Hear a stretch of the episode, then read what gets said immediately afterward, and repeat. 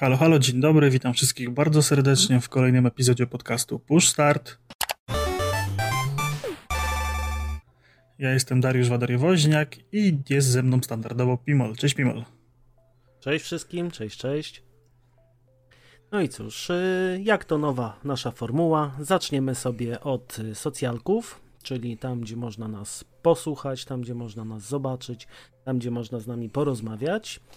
I zaczniemy sobie od Twitterka, czyli takiego głównego źródła kontaktu z nami. Waderio znajdziemy pod małpką Waderio przez dwa opisane. Mnie znajdziecie pod małpką Pimol87.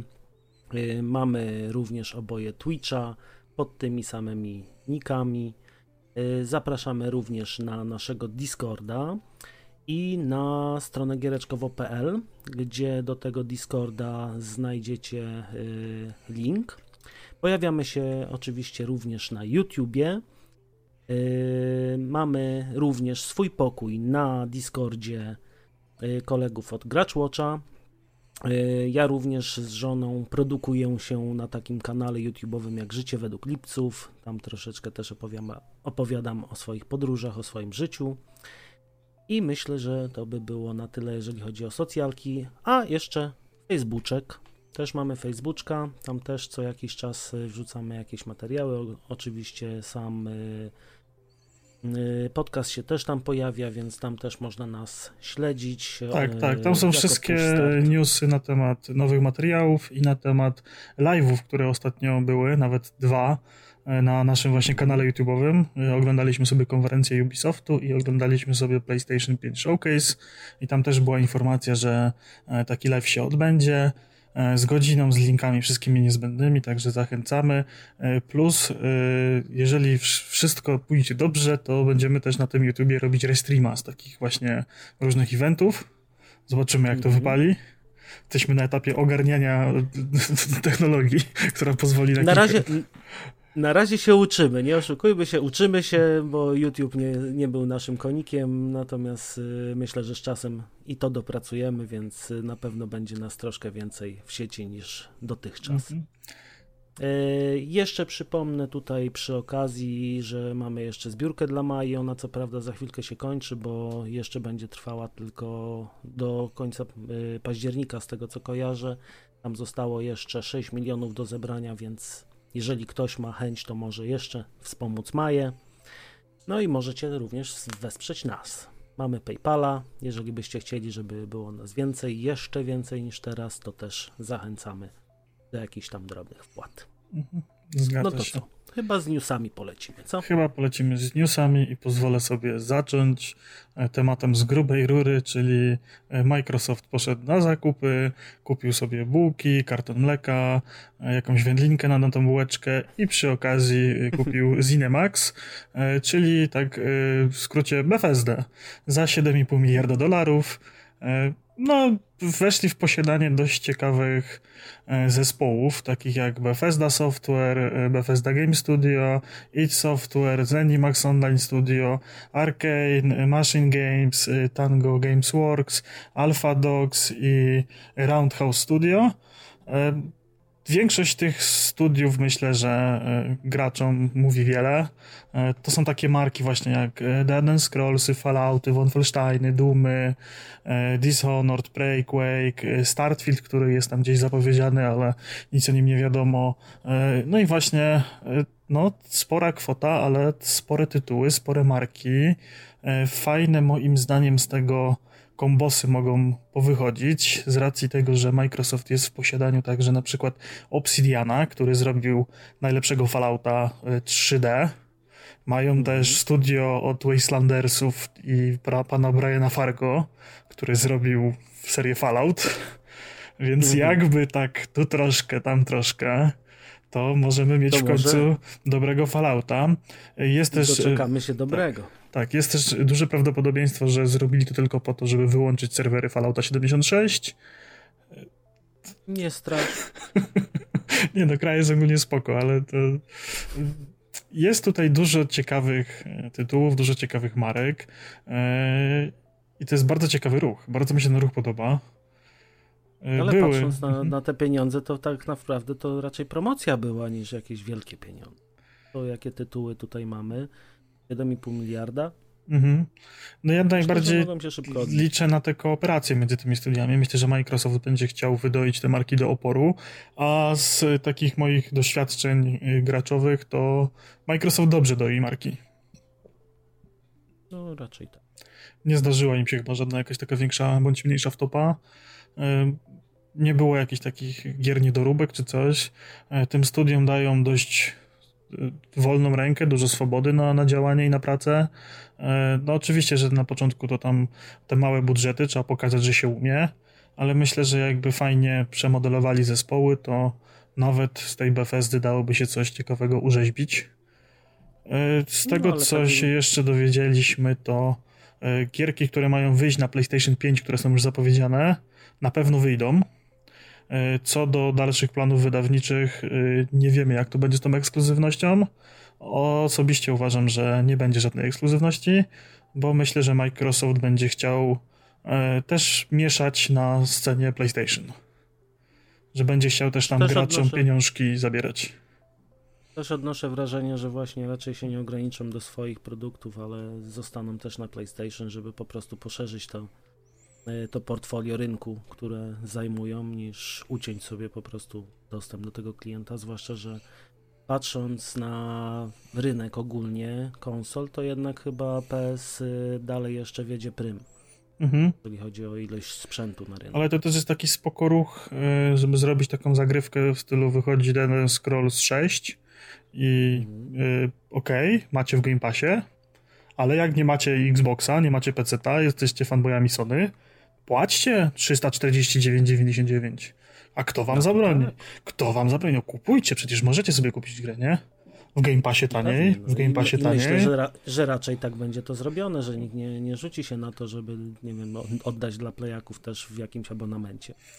No ale nie, właśnie myślę, że to może być taka dobra zagrywka marketingowa, żeby przyciągać tych graczy do, do tego e, Game Passa, do, do konsoli Xboxa, do, do PC-owego Game Passa, bo kurczę, no ja się ostatnio dowiedziałem, że to są strasznie fajne pieniążki dla, dla Microsoftu, bo obecnie jest chyba 150 milionów e, subskrybentów w Game Passie. E, No, Jak nie koło 160 już.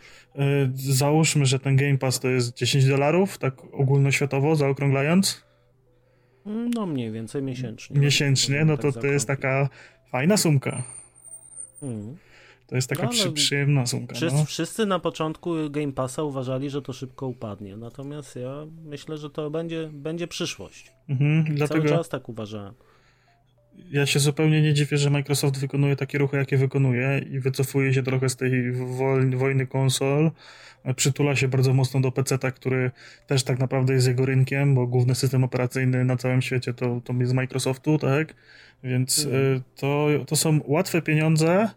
Y, Tak jakby, tak naprawdę w y, mikroskali to są niewielkie pieniądze, no bo 10 dolarów od osoby, to co to jest, ale w makroskali tych 150-160 milionów użytkowników to się robi coraz fajniej. Robi- No właśnie, więc... Zwłaszcza, zwłaszcza Mhm. w momencie, gdy zauważmy, że z systemami operacyjnymi już tak naprawdę niewiele wojują. Bo mamy już, załóżmy tego Windowsa 10, gdzie od siódemki tak naprawdę aktualizacje były już za darmo. Wystarczyło Tak, mieć mhm. siódemkę. Mhm. No ale wiesz, no tutaj y, to jest tak, no kupiłeś ten system, no to masz go, tak, ale myślę, że też są duże pieniążki na y, tych systemach korporacyjnych przede wszystkim. Microsoft Server i, i w ogóle te y, licencje komercyjne przede wszystkim. Mhm. Ale nawet Przede Windows do wszystkim. użytku komercyjnego, tak, na, na firmę czy coś, no to Mhm. musisz mieć kluczyk kupiony osobny, tak? Mimo tego, że, że gdzieś tam jakąś siódemkę kiedyś może miałeś, to, to dalej za, trzeba płacić za te nowsze wersje, więc... Mm, No tak. No to zostaniemy przy Microsoftie, jeżeli chodzi o newsy. Ja bardziej taką ciekawostkę przygotowałem, która przykuła moją uwagę. Y, Microsoft w 2016 roku wpadł na pomysł, że y, utopi sobie serwery. Oczywiście w przenośni i troszeczkę też faktycznie to zrobili. W 2018 roku ruszył tak zwany projekt Natic. Y, Był to projekt polegający na tym, że zamknęli w hermetycznym pojemniku całą serwerownię. Bodajże tam 839 serwerów umieścili i zatopili to przy wybrzeżach Szkocji. Sobie na dwa lata. Nie wiedziałem. Przede Teraz wszystkim. właśnie googluję, jak to wyglądało. Fajnie, fajnie. Bardzo, bardzo fajny projekt właśnie mnie przyciągnął, jak sobie przeglądałem rano y, wiadomości. I y, co było podstawą tego? Miało być to rozwiązanie ekologiczne i bardziej wydajne. Co się okazało przez dwa lata trwania testów, że tak naprawdę jest. Bo mamy pod dostatkiem wody, która jest dla nas czynnikiem wytwarzającym prąd przez pływy i czynnikiem chłodzącym, którego nie musimy dostarczać. Na dodatek y, okazało się również, że y, cała fauna i flora podmorska sobie upodobała te miejsca po prostu do życia. Zaczęły tam mieszkać sobie rybki, zaczęły jakieś rafy się budować i różnego typu żyjątka. Więc ekologicznie wyszło na to, że jest nawet fajnie. Ja myślę, dodatkowo- że one do, lgnęły do internetu. Trzeba No założyć y, Facebooka dla y, tych rybek. No. I Y, zrobić urządzenie, jakiś ten iPhone'a dla, dla pod, podwodnego. Apple na pewno się już tym zainteresował. Yy, Kwestia jeszcze była tego, że takie serwerownie okazały się dużo bardziej odporne na wszelkiego rodzaju czynniki, wytrzymalsze po prostu. Ze względu na to, że yy, nie mieliśmy takich wahań temperatury, z tego względu, że czynnik chłodzący cały czas jest dookoła. Yy, Również yy, jest dużo mniej wstrząsu, bo nie mamy żadnych yy, ruchów tektonicznych, nie mamy żadnych tego typu rzeczy w wodzie, jest to zawieszone po prostu. Więc takie serwerownie okazały się dużo bardziej wydajne ekonomicznie, dużo ekologiczniejsze i myślę, że tutaj po tym projekcie Microsoft będzie dalej to rozwijał, bo efekty naprawdę są obiecujące i mm, no jak mówię, no trafili, że tak powiem, w niszę, gdzie nie mogli w żaden sposób y, wykorzystać tej przestrzeni, nie mogli nic z tym zrobić, a teraz y, będą po prostu mogli postawić sobie wielkie serwerownie pod wodą, nie będą musieli płacić za prąd, nie będą musieli tego chłodzić, nie będzie takich wahań temperatur i może będą E, mniej zawodne. Znaczy tak, ja już widzę problem. On co Mhm. prawda w tej skali drobnej jednej, dwu, jednej, dwóch serwerowni nie dotyczy, ale w momencie, kiedy zrobi się tego więcej i sp- spopularyzowałoby się to, e, zakładając, że tak się stanie, e, no to myślę, że już kilka tysięcy takich serwerowni jest nam w stanie podnieść temperaturę wody o jakieś pół stopnia na przykład. I to już zacznie No robić tak, problemy. Przy makro, przy makroskali oczywiście. No tutaj No robili właśnie. jakieś badania, że w odległości 8-9 metrów był to skok temperatury rzędu tam kilku miejsc po przecinku, a w odległości bodajże 10 czy 15 metrów był niewykrywalny. Natomiast oczywiście jak zrobimy całą farmę, nie wiem, 300-500 tysiąca takich serwerowni, to może się to skończyć różnie. Data center Amazona na dnie Pacyfiku. Hmm, no. Tak. No ale I, wiesz, biorąc wtedy, pod uwagę, że I wtedy te że- wszystkie lodowce, no i tak zejdą, i tak No. zejdą, więc ale szybciej, nie? czemu nie wykorzystać? No, No. dwa, trzy lata. No, ciekawa inicjatywa. Mm, Podoba mi się ten plan e, ze względów takich czysto naukowo-badawczych. Jestem ciekawy, czy jest się w stanie to wykorzystać jeszcze w jakiś ciekawy sposób. No tutaj zobaczymy, co z tym zrobią, co zrobią z wynikami badań i czy ktoś wpadnie na pomysł wykorzystania tego jakoś w prawdziwym życiu, no, poza testami oczywiście. Bo Mhm. Tutaj naukowo, wiadomo, na pewno będą to rozwijać, natomiast czy ktoś bardziej komercyjnie to zastosuje, kto wie. Dokładnie tak. Czyli co? Czyli temat naszego odcinka, czyli ceny gier sprzętu e, z takim nakreśleniem nadchodzącej generacji, e, czyli w cudzysłowie panie, co tak drogo, dlaczego tak drogo, co to ze złota jest, czy o co chodzi e, i takie różne tego typu atrakcje. Konkretnie w internecie zawrzało, na Discordzie gracz Watcha zawrzało, że e, powariowali z cenami gier, że konsola spoko, tanioszka, ale że gierki to już troszkę przesada. E, No i co, tak może zaczniemy sobie wstęp historyczny. Jak to te ceny sprzętu i ceny gier na, na przestrzeni lat się plasowały. Ja mam takie trzy szybkie przykłady z uwzględnieniem e, aktualnej ceny na premierę, e, płacy minimalnej w Polsce, e, ceny gier oraz inflacji. więc zobaczymy sobie, jak to mniej więcej tak wyglądało. A Pimol przygotował z internetu taką piękną tabelkę e, szczegółową odnośnie e, pozostałych konsol. Ja na tapetę wziąłem Oczywiście. e, PlayStation 1 i PlayStation 3 do moich kalkulacji. Ja oczywiście nie będę przedstawiał całej tej tabelki, ale natomiast jako większy fan zielonych, to po prostu przedstawię też troszeczkę tutaj, jak to wyglądało Mhm. u zielonych. Dokładnie tak. Więc y, wsiądźmy w wehikuł czasu, cofnijmy się do roku 1998 do polskiej premiery PlayStation 1. Y, No i mamy cenę na premierę 649 złociszy. No, wydawałoby się, że no kurde, darmo dawali, tyle to co to, ale uwzględnijmy, że cena, y, płaca minimalna wtedy to było 420 zł bodajże, więc no to już tak półtorej pensji się nagle robi. E, Do tego e, cena jednej gry e, to jest wahała się między 180 a 220 zł. Uśrednijmy e, to na 200 zł powiedzmy. No i nam się już plasuje, że to już tak tanio nie było. Do tego chciałbym zwrócić uwagę, że gry na PlayStation 1 do najdłuższych nie należały. Ok, były tam perełki typu Crash, typu Metal Gear Solid i tak dalej, ale zakładam, że powiedzmy średni czas spędzony przy jednej produkcji, żeby ją jakoś wymaksować, to jest 10 do 12 godzin. Więc ten przelicznik e, złotówki do spędzonej godziny nie jest jakiś taki specjalnie atrakcyjny.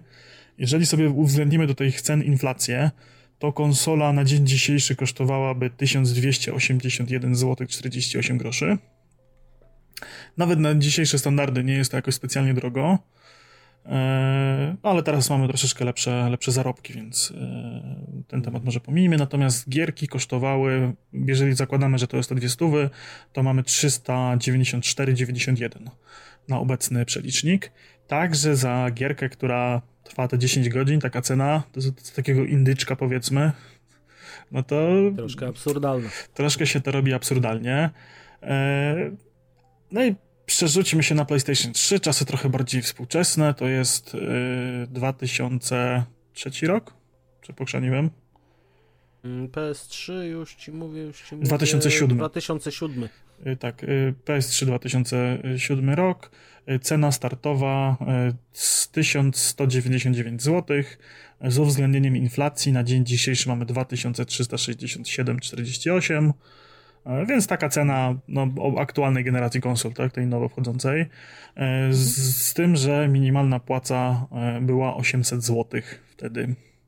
Więc e, no znowu pensja z hakiem. E, Ceny gier były troszeczkę tańsze względem e, tego PlayStation 1, bo to było w granicach 190 zł, troszeczkę mniej, troszeczkę, no z reguły troszeczkę mniej, jakieś tam 179, 169, e, 189 zł. e, Tego typu ceny były. E, No i e, po uwzględnieniu inflacji mamy 245,59, czyli cenę gierki w dniu premiery e, z aktualnej nam panującej generacji. Oddaję Pimalowi głos. No to jeżeli chodzi o mnie, to ja przygotowałem bardziej tutaj właśnie taką piękną tabelkę, w której nie uwzględniam co prawda y, płacy minimalnej i tej inflacji nie będę brał pod uwagę. Natomiast y, mam średnie zarobki w obecnym czasie w Polsce. Więc y, przy premierze takiej konsoli, którą miałem, więc tu się skupię bardziej na niej, czyli mamy Xboxa 360. On pojawił się w dniu premiery w 2006 roku w cenie 1899 zł.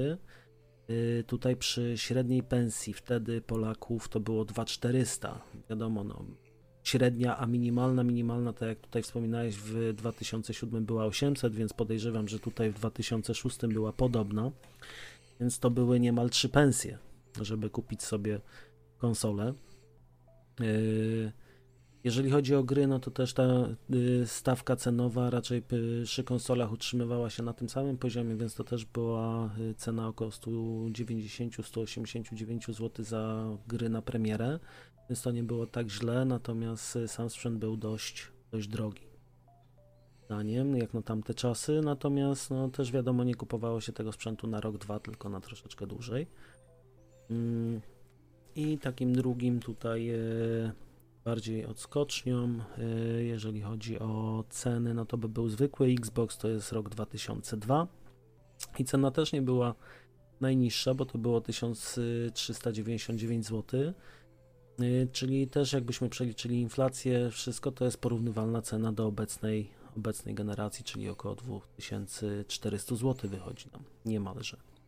Przy średniej pensji około 750 650 zł netto, nie netto, tylko minimalnej, y, w granicach 650 zł, więc też były 2-2,5 pensji prawie. Za takiego Xboxika musieliśmy zapłacić. Mhm. Gdzie na przykład w Stanach taka konsola kosztowała 299 dolarów. Więc te ceny troszeczkę były też niewspółmierne. U nas zawsze był problem przez długi, długi okres czasu, zresztą teraz do tej pory mhm. E, jeszcze jest, że wychodziliśmy na tym zawsze gorzej, bo cena euro, dolar było 1 do 1. Zawsze byliśmy przeliczani z euro, euro zawsze było droższe, wychodziło z reguły 4 razy tyle, co, e, co ta cena w Stanach, plus doliczmy sobie do tego podatki, cła, waty e, i marże sklepu, zaokrąglimy w górę no, no i. Tak. Dodajmy końcówkę ceny 99, bo wtedy jest tak, tak, tak, niepełna tak. kwota. Zauważmy, że przez, mhm. nawet patrząc na tą tabelkę, wszystkie ceny, jakie mamy, to mamy z końcówką 99 przez, od 98 roku. Mhm. Więc no tutaj ta Naj, najsta, najstarsze prawo marketingu 1099 zł jest y, sporo tańsze od 1100 zł. Także... Tak, dokładnie. Dokładnie mm. tak, więc no tutaj oko robi swoje, że jedno, mm. jedną jedynkę mniej. No to tak, no dobrze, tak to, to mniej może... więcej wyglądało historycznie. E, należy też przy okazji tego tematu e, cen sprzętu i cen gier wspomnieć o e, dostępności konsol i o problemach z dostępnościami konsol. U nas na przestrzeni lat z reguły te premiery były sporo przesunięte. My zawsze byliśmy takim trochę trzecim światem dla, dla Zachodu. U nas zawsze ten rynek był taki trochę zapuszczony e, i to od lat. Jak w latach 90. u nas były e, popularne e, te wszystkie Pegasusy i Amigi, to wszyscy już mieli jakieś fajniejsze rzeczy i to, i to od dłuższego czasu. Więc, no, większość wtedy już albo miało Game Boye, albo jakiegoś NESa, albo nawet PC lepszej klasy, jak u nas po prostu było mm. Commodore 64 i kaseciak. Zgadza się, dokładnie, więc zawsze byliśmy troszeczkę do tyłu. No z biegiem lat to się troszeczkę zacierało. Ja pamiętam, jeżeli chodzi o problemy y, z dostępnościami konsol, to, że e, były wielkie kolejki i bójki przy premierze Xboxa 360 Wiem, że tam był problem z dostępnością tej konsoli, tak kojarzę bynajmniej, że on gdzieś w tych sklepach w małej ilości był i myślę, że to był taki pierwszy, on, że ten brak konsol nie wynikał z tego, że e, że tak powiem, byliśmy traktowani gorzej od zachodu, tylko nikt się nie spodziewał tego popytu, który będzie w Polsce na konsolę że sklepy tak no. niechętnie wprowadzały y, te konsole, niechętnie wystawiały jakieś stędy, gierki nie ściągały. Z reguły większość rzeczy do tej pory to było na zamówienie, y, przychodziło się do sklepu, pytało się czy jest, że ściągną i tak dalej. I to był taki pierwszy moment, gdzie na masową skalę, myślę, te gierki weszły do tych marketów. No, ale tutaj też musimy wziąć pod uwagę to, że to są czasy początków internetu, gdzie ta informacja się też roznosiła dużo szybciej, mm -hmm. prawda? Nie było to tak jak e, wcześniej przy, nie wiem, przy Xboxie zwykłym, który myślę, że mało kto z naszego pokolenia nawet wiedział, że jest premiera tego e, w no Polsce. No Jeżeli ktoś się bardzo tym nie interesował i dowiadywał się najwyżej o tym, że była premiera już z gazety, która wychodziła zazwyczaj miesiąc później. Więc e, no, to były inne czasy. Natomiast tutaj były początki internetu, ta informacja docierała do wszystkich szybciej. Też Tutaj był okres przecież, że troszeczkę te pensje nam wzrosły, nie było to już tak źle, więc y, konsument też był bardziej nastawiony na zakup y, i wchodziło coś nowego, coś, co nie było bardzo popularne w ogóle w Polsce, bo w tamtych czasach wydaje mi się, że bardziej y, królowały pecety niż konsole. Konsole mhm. to była taka nisza, Nawet no, myślę, że tutaj piractwo robiło swoje, że prościej było ściągnąć, ściągnąć kraka i wypalić płytkę, niż przerabiać konsolę, przelutowywać jakieś tam układy, kombinować. Dało się to zrobić na PlayStation 2 czy tam na PlayStation 3, ale to wymagało dużej kombinacji. Dokładnie, więc tutaj yy, myślę, że to po prostu pojawienie się tego Xboxa i zejście też wydaje mi się troszeczkę bardziej uświadomienie ludzi za co płacą, jeżeli chodzi o gry, bo gry też się stały dłuższe, gry się stały y, ładniejsze, bo przy premierze Xboxa już mieliśmy y, tą grafikę bodajże 720p wtedy już było? Nie, 480. Pierwszy Xbox 480. jeszcze miał cincze. Mhm. Pierwsza rewizja tak, Xboxa dobra. miała jeszcze cincze, mhm. więc to było tak, 360 tak, na 480, dopiero potem chyba w 10 mhm. roku zrobili tą rewizję. E, znaczy tych rewizji tam było dużo, bo tam ten problem z zasilaczami był, tak? Że tam te paliły procesory. Słynny no, czerwony no, pierścień śmierci. Tam były w ogóle y, problemy z przegrzewaniem się tych procesorów, mhm. z y, pękaniem y, połączeń między procesorami, bo tu akurat z tej, w tej kwestii mogę dużo opowiedzieć, bo się zajmowałem ich serwisem, więc tutaj e, było dużo, dużo ciekawego tam się działo ze strony elektronicznej i mhm. tych rewizji było z tego co pamiętam chyba 11 w sumie. No właśnie, nie wiem, że 360. Ja mam jeszcze gdzieś tam w szafce takiego Xboxa, który ma i cincze i HDMI. Mhm. Także jest były, taką... Były takie z przejściówkami, to mhm. wszystko było tutaj w ten sposób rozwiązywane. Natomiast, no mówię, no też te wszystkie rzeczy wyglądały już ładniej. Też były w bardziej przystępnej cenie i myślę, że stąd był taki popyt na to. Natomiast y, markety też wtedy nie było takich stricte marketów y, typu Mediamarkt. Mediamarkt chyba dopiero wchodził do Polski. Tak, tak, to chyba były właśnie pierwsze, Łodzi, pierwsze taki... etapy Mediamarktu. Ja pamiętam, że to były czasy, kiedy w Empiku pojawił się stand z Xboxem, można było sobie pograć tam mhm. jakąś gierkę zawsze. E, pamiętam, że właśnie e, pojawiały się gierki na konsole na półkach sklepowych, bo do tamtej pory to pamiętam, że były tylko pecetowe gierki i przychodziło się mhm. obejrzeć nowości, żeby ściągnąć z neta.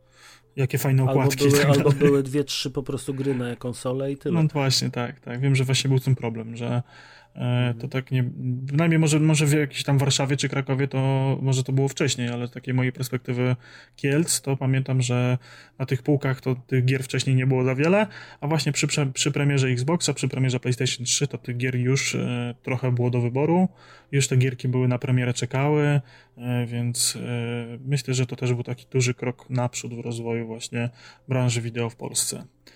E, no i Dokładnie tak. I co, tak właśnie e, potem pamiętam, że premiera PlayStation 4, Xbox One. E, ja nie kojarzę, żeby były jakieś problemy.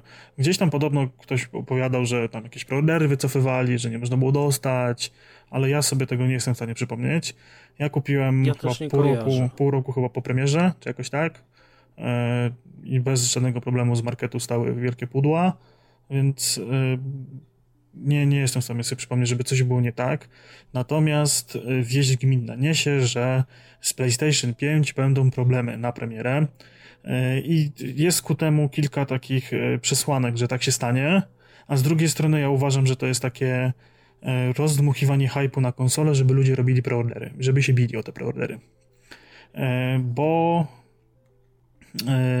pojawiła się jakaś informacja w jakimś poczytnym serwisie internetowym, że PlayStation musiało 5 milionów konsoli e, odesłać, bo miały wadliwy chipset.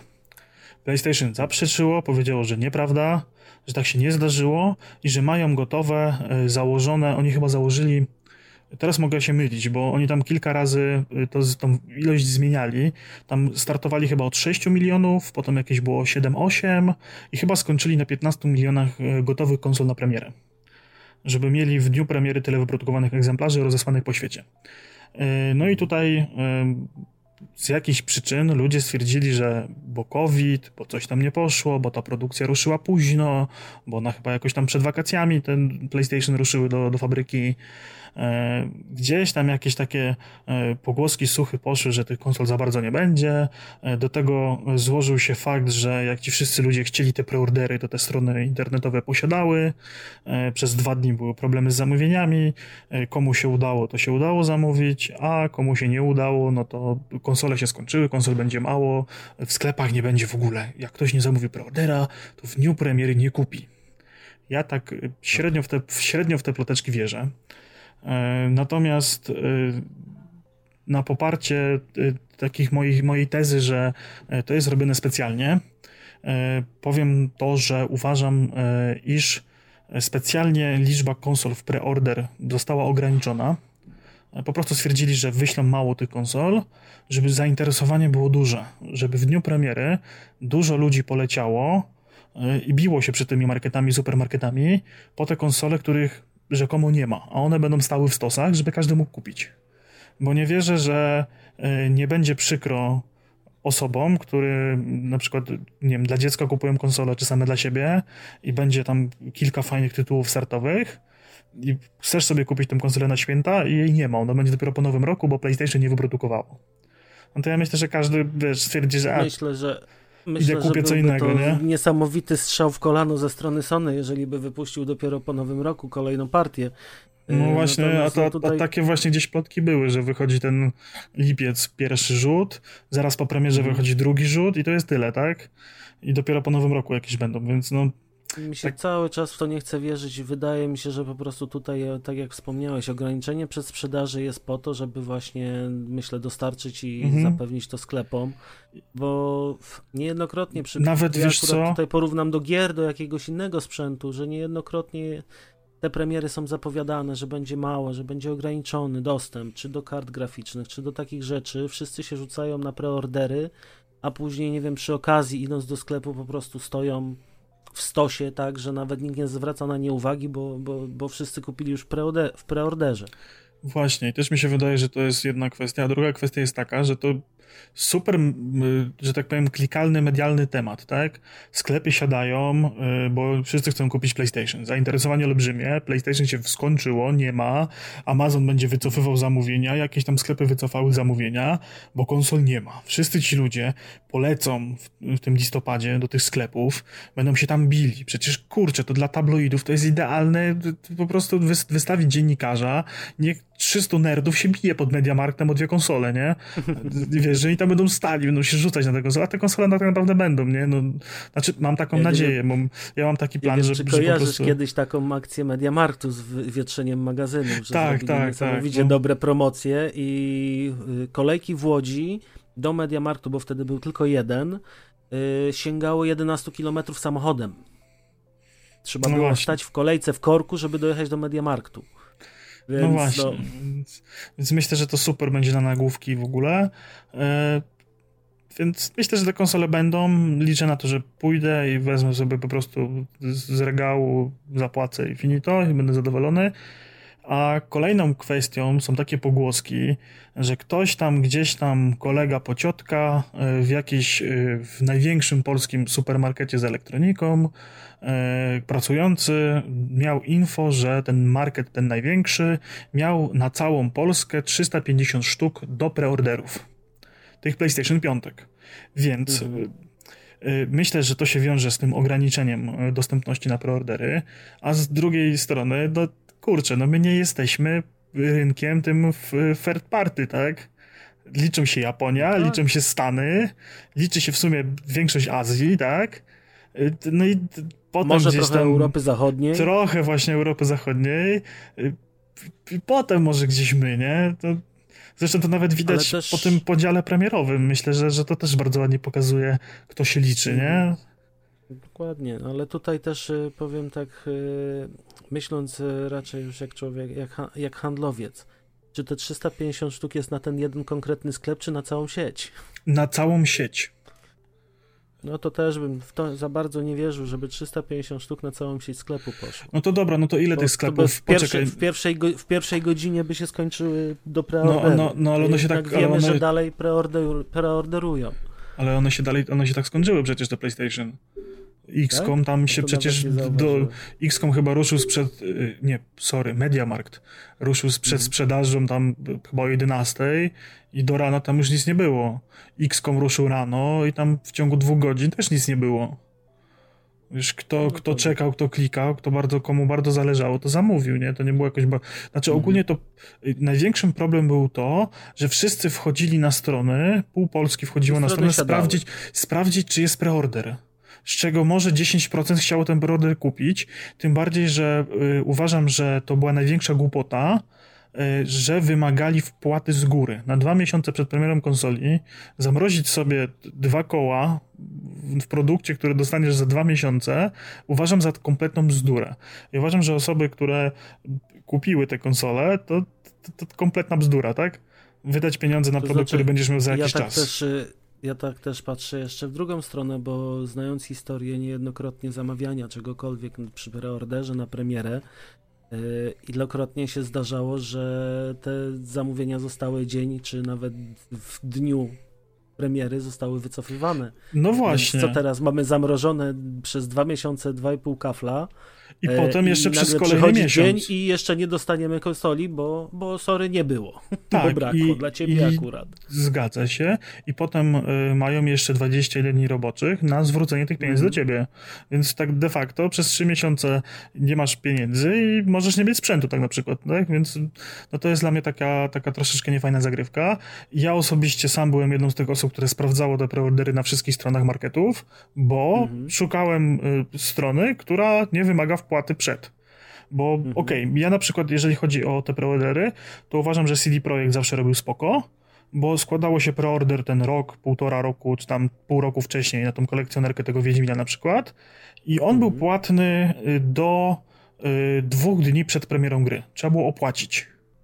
Mhm. Więc dwa dni przed premierą gry opłacałeś sobie kolekcjonerkę i ona na drugi dzień dostała do ciebie wysyłana bo kolekcjonerki przychodziły dzień wcześniej, tak jakby, nie? Przed oficjalną premierą. Więc no, uważam, że to jest metoda spoko, a taka zagrywka jest trochę niefajna i mm, zastanawiam się, czy to nie było przypadkiem odgórnie nałożone na, e, na sklepy. Bo w, żeby wszystkie sklepy miały tą samą politykę w, w kwestii preordera konsoli, ja się nie spotkałem wcześniej, żeby tak, takie ruchy były. Wydaje, wydaje mi się, że to może było w ogóle odgórnie przez PlayStation narzucone i przez Xbox, przez Microsoft, bo nie wiem, czy Microsoft nie, nie miał tej samej polityki, jeżeli chodzi o konsolę tutaj. Że trzeba było robić przy preorderze opłatę.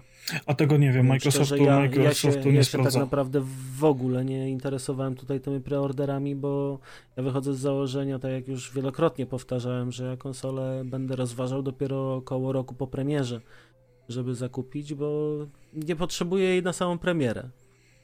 No wiesz, Zwłaszcza, że mam wsteczna kompatybilność. Wsteczna kompatybilność no, teraz tak. będzie, nie? To wiesz. Dobra, ja o tym ale... wiem, natomiast tutaj Ten... z doświadczenia serwisanta po prostu też yy, mam zawsze złe przeczucia przy nowym sprzęcie, który wychodzi dopiero co na rynek i zawsze wolę troszeczkę przeczekać. Chyba, żeby no coś się zdarzyło, nie wiem, ktoś mi da tą konsolę, to wtedy chętnie przyjmę, nie będę, nie e, będę się wspierał. W opisie jest zbiórka na PlayStation dla Pimola, e, żeby Pimol e, miał końcu porządną konsolę. Dobrze. Xboxa sobie kupię, dobra. No, znaczy ja osobiście czekam na All Access, na, na więcej informacji na ten temat. Ale dobra, mniejsza o większość, czy tam większa o mniejszość. Eee, temat Xboxa i jego dostępności. Z tego, co się orientuję, to z preorderami problemów żadnych nie było. To się jakoś echem nie odbiło zupełnie e, w social mediach. To znaczy, tutaj tak jak e, to już bardziej z Discorda wiemy, że w e, Wielkiej Brytanii były problemy z dostępnością, jeżeli chodzi o dostępność do sklepów nie można było y, zamówić. A no to tak, no to, to. serwerami. Ale nie słyszałem tak, żeby się to jakoś tak szybko wyczerpało, żeby tam ludzie nie mogli zamówić i tak no dalej. No nie, z tego, co, z tego co czytałem, z tego co rozmawiałem z ludźmi, to każdy, kto chciał, to mhm. zamówił bezproblemowo, ma już zaklepaną i mhm. czeka tylko na wysyłkę. Natomiast y, znowu plotka, y, źródło typu pociotek, pociotka, Edka, żony, brat rodzony, y, pracujący w Microsoftie, poinformował, że y, Xbox, Pol, Xbox dał na Polskę 150 tysięcy konsol na preordery i premierę, czyli mhm. tak ogólnie po prostu, nie? że masz 150 tysięcy konsol do sprzedania od teraz do, do dnia premiery i na premierę włącznie,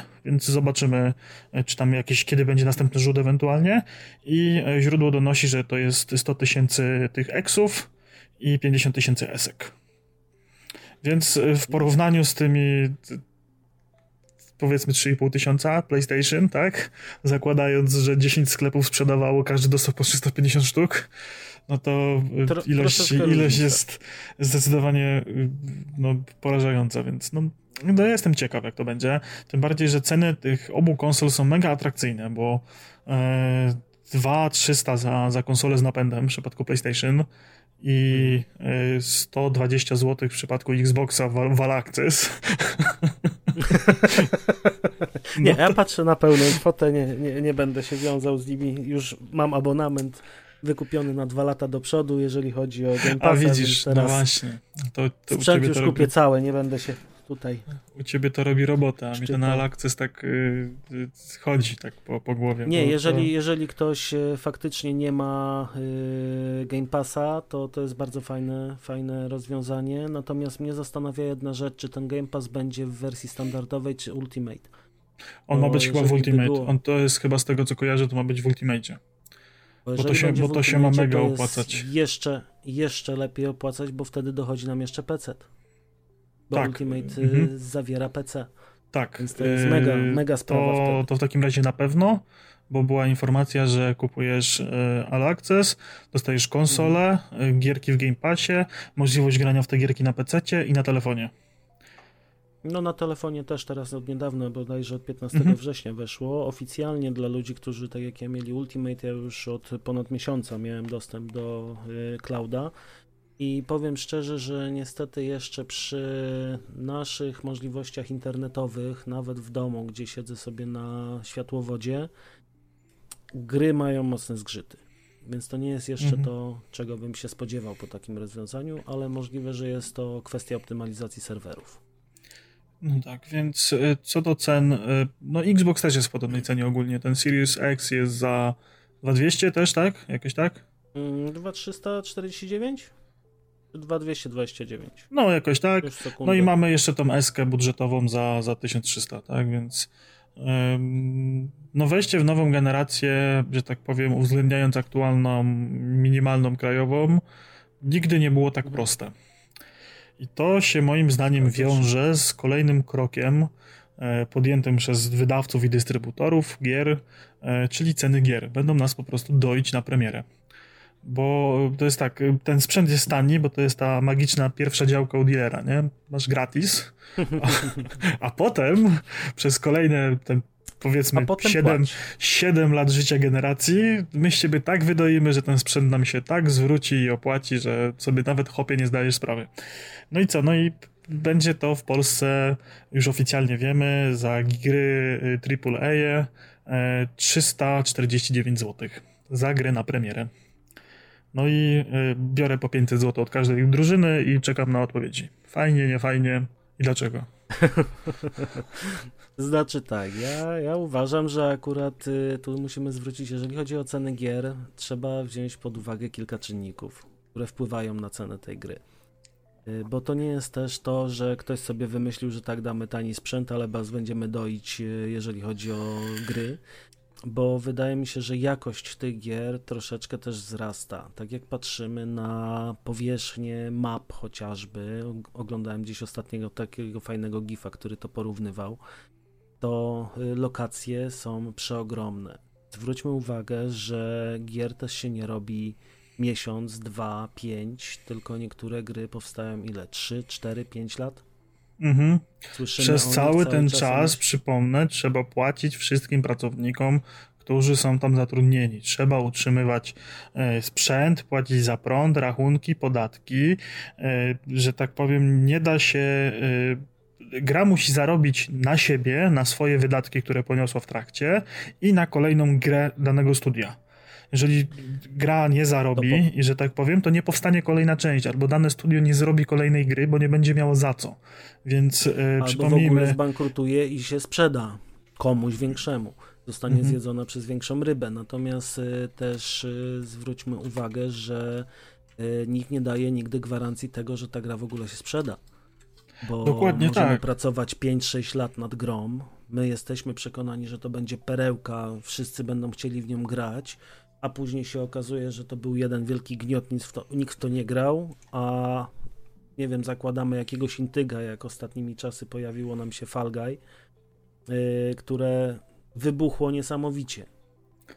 Zgadza się, tylko tak, tak, wróćmy jeszcze do tematu samego utrzymania tych, tych gier, tak? Tak, tak. jak mówię, jest masa kosztów pobocznych w trakcie mhm. samej produkcji. Już teraz y, to nie są czasy 2000 y, roku, kiedy grę AAA robiło 10 osób, czy, czy tak jak e, Duma, który był niesamowitym hitem, robiło tam czterech czy pięciu typa w piwnicy, tylko to już robią całe mm. korporacje. Taki CD Projekt e, w, w, myślę, że na dzień dzisiejszy spokojnie zatrudnia około tysiąca osób i ma trzy czy cztery siedziby, tak? Bo jest cztery, bo jest Wrocław, Warszawa, Kraków i Los Angeles, tak? Więc tak. trzeba te biura utrzymać, trzeba utrzymać pracowników tam, trzeba zapłacić, tak jak wspomniałem, rachunki, podatki to się wszystko przy, przekłada na to, że te gierki muszą być coraz droższe. Jednocześnie mamy też coraz lepszą jakość, coraz lepsze asety graficzne. E, no, chcemy 4K, 60 klatek, ktoś musi zrobić tekstury w rozdzielczości 4K.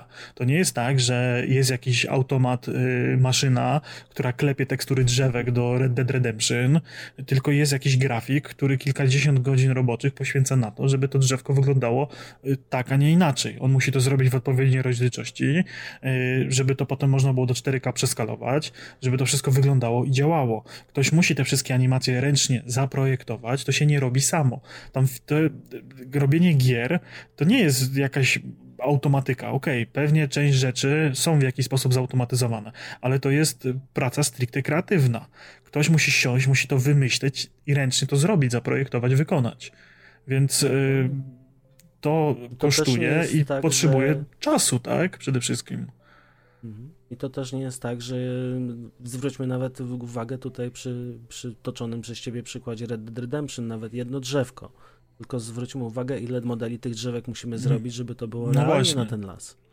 Ile Dokładnie ten grafik tak. siedzi i to kombinuje. To jest wszystko czas. Czas to pieniądz, nie tylko ze względu na to, że musimy mu zapłacić pensję, ale tak, musimy iść też z duchem czasu, jeżeli chodzi o sprzęt, bo mhm. nie, firmy tego typu nie robią tak, że kupują jeden komputer pracownikowi na 10 lat i masz, jedziesz, teraz robimy 4K, ale twój komputer to tak przysiądzie trochę przy tym, więc wiesz, musisz, musisz sobie jakoś radzić, tylko w ten sprzęt też jest inwestowane. Y, w biura też jest inwestowane, bo ci ludzie nie siedzą w domu, w piwnicy, w garażu, tylko mhm. mają biuro, do którego codziennie przychodzą. Tam mają zapewniane też wszystkie środki, tak jak każdy pracownik. Więc no, jeżeli to wszystko przeliczymy i później weźmiemy pod uwagę, że nawet ta gra musi się sprzedać w, no nie oszukujmy się, w wielomilionowych nakładach, bo to nie jest tak, że gry sprzedajemy w tysiącu egzemplarzy wyprodukowanie samych tych gier już jako nośnika też jest kosztowne. Zgadza czy się. cyfrowo, czy nawet fizycznie wyprodukowanie płyty, zajęcie miejsca na serwerze, zapewnienie tego miejsca na jakiś czas, bo to też nie jest tak, że gra przecież na serwerze jest 2-3 dni, tylko później przez ileś lat musimy opłacać te serwery, żeby ta gra była dostępna. I każdy, jeszcze chciałbym przypomnieć, że jeszcze każdy na drodze gry od e, producenta do gracza, jeszcze jest szereg firm, firemek, pośredników, którzy pobierają sobie od tego pieniążki. Gra musi dojść do tłoczni, tłocznia weźmie pieniążki. E, gra musi mieć wydawcę, wydawca weźmie pieniążki. Gra musi mieć dystrybutora e, na dany kontynent, dany weźmie pieniążki. W danym kraju dystrybutor weźmie pieniążki. Dany sklep weźmie pieniążki, więc każdy musi zarobić. To nie jest tak, że oni sobie ubzdurali, że będziemy mieli teraz te 70 euro w kieszeni od gierki, tylko ja myślę, że fizycznie to oni z tego może dostają 40, tak? Więc... Znaczy, ja myślę, że nawet bym się tutaj pokusił, że sam sklep to może dostaje ze złoty 50 albo 2 od gry, więc... No tak, nie, sklep... Nie, nie, nie, tak skrajnie, ale wiadomo, no, to nie są jakieś wielkie pieniądze i y, też... Y, no, uciekła mi myśl. tak. Więc wracając, wracając do tematu, jak sobie przypomnisz, to powiesz, y, ja osobiście uważam, że te, że te gierki, że te ceny gier nie są przesadzone. Tym bardziej, że y, gracze naprawdę wymagają od gier coraz więcej. Wymaga się, żeby te gierki były nie dość, że na premierę dopieszczone i gotowe, a crunch nam przeszkadza, do tego tematu za chwilkę jeszcze się odniosę, y, więc chcemy, żeby potem ewentualne błędy były naprawiane, żeby te patche powstawały. Chcemy darmowych aktualizacji, chcemy, żeby tak jak w No Man's Sky czy Minecrafcie, czy, czy innych gierkach wychodziły co jakiś czas, czy Falloutie 76 wychodziły y, jakieś nowe eventy, nowe, nowe darmowe rzeczy do gierki dodawane, nowe wydarzenia, nowe DLC, za które nie musimy płacić to też kosztuje. To też trzeba potem posadzić ludzi, żeby te rzeczy zrobili, żeby naprawiali gierkę i łatali. No okej, okay, ich wina, że nie, nie zrobili tego na premierę, no ale jakieś tam terminy mieli. No nie będę ich tłumaczył, też jestem przeciwny wypuszczaniu bubli i tak dalej. No ale zdarzyło się, trzeba to naprawić, ktoś za to też musi wziąć pieniądze. Dodatkowo e, uważam, że podniesienie cen gier też jest troszeczkę winą samych graczy, bo właśnie wspomniany crunch, czy jakieś inne wydarzenia e, polityczno-kulturowe spowodowały, że graczom się różne zachowania y, producentów gier nie spodobały. Że gdzieś tam jest wyzysk, że gdzieś tam ludzie siedzą po godzinach, że gdzieś tam jest za mało kobiet że, pracujących w biurze, że gdzieś tam jest za mało kogoś tam i, i jakieś tego typu ruchy, jakieś typ, tego typu e, właśnie strajki w social mediach, czy bojkotowanie jakichś tytułów powoduje, że taki producent gry coś z tym tematem musi zrobić. Ok, nie podobał im się crunch, yy, bojkotują naszą grę, piszą, że ten crunch zły i w ogóle, yy, bombardują nas na Metacriticsie negatywnymi ocenami, no to kurczę, coś trzeba z tym zrobić. No to ok, zatrudniam kolejnych 50 pracowników, przy następnej grze nie będzie crunchu, bo mamy większy zespół. Podzielimy lepiej zadania, będzie lepiej, tak? Tylko przypominam, że tych 50 ludzi musi wziąć pensję. Więc to się z kapelusza nie wzięło, więc yy, ja myślę, że to jest pokrótce jakaś nam wypadkowa e, tych zdarzeń w social mediach, że gdzieś te ceny też poszły. No, no i z drugiej strony, tak jak mówię, no gierki są coraz dłuższe, coraz lepsze, coraz fajniejsze, no to wszystko kosztuje, no. No ja bym zwrócił jeszcze tutaj uwagę na to, że y, jak się skupimy, jeżeli chodzi o, kosz, o koszt gier, to on w generacji rzadko się zmienia. Jeżeli wchodzimy w generację, nie wiem, z ceną 269 zł za grę AAA, i mamy tam tą cenę, ona się utrzymuje raczej przez całą generację, z tego co zauważyłem.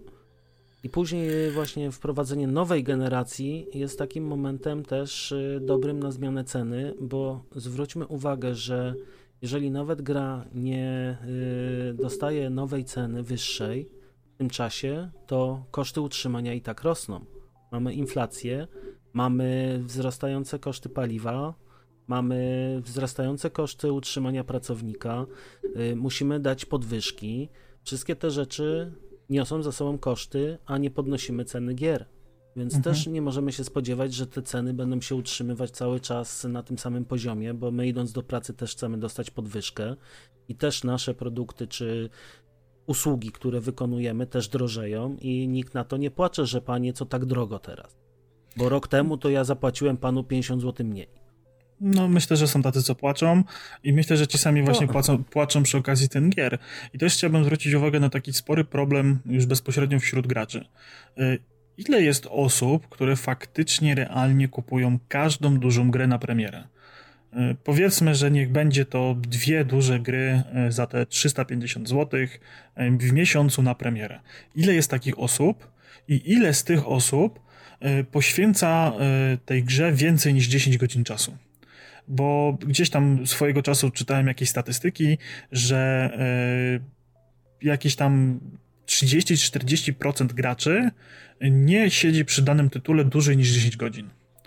A żądamy, żeby te gierki były 100, 120, 150 godzin. Jestem ciekawy, ile z naszych słuchaczy kupiło takiego Red Dead Redemption 2 na premierę i go przeszło w 100%. Czy takiego Wiedźmina 3 kupiło na premierę i go przeszło w 100%.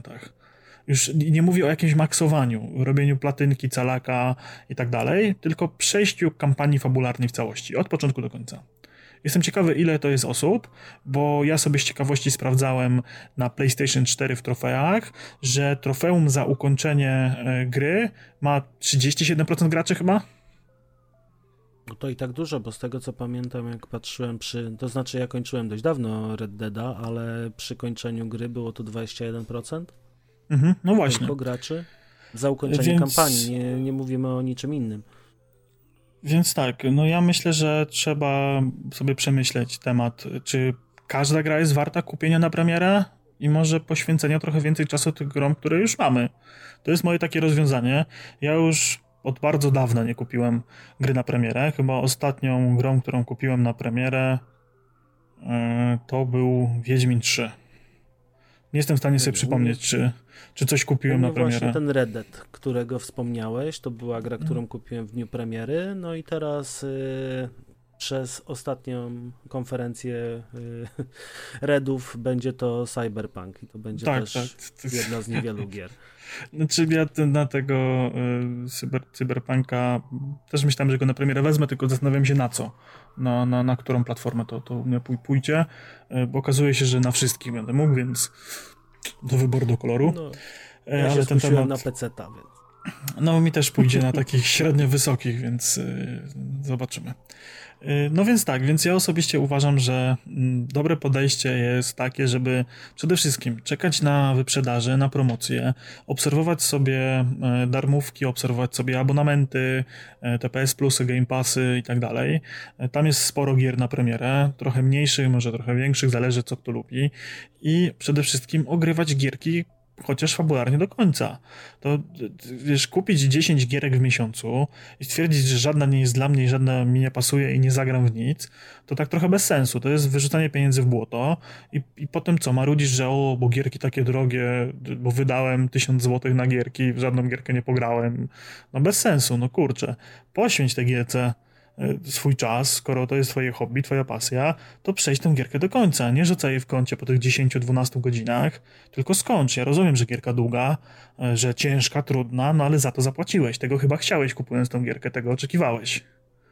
Więc... Dokładnie, jeżeli już y, uważasz, że w takim przypadku, jeżeli na jed, jedna na 10 gier w ogóle nie wchodzi, nawet jedna na 10, no to uważam, że właśnie w tym momencie fajną alternatywą są abonamenty.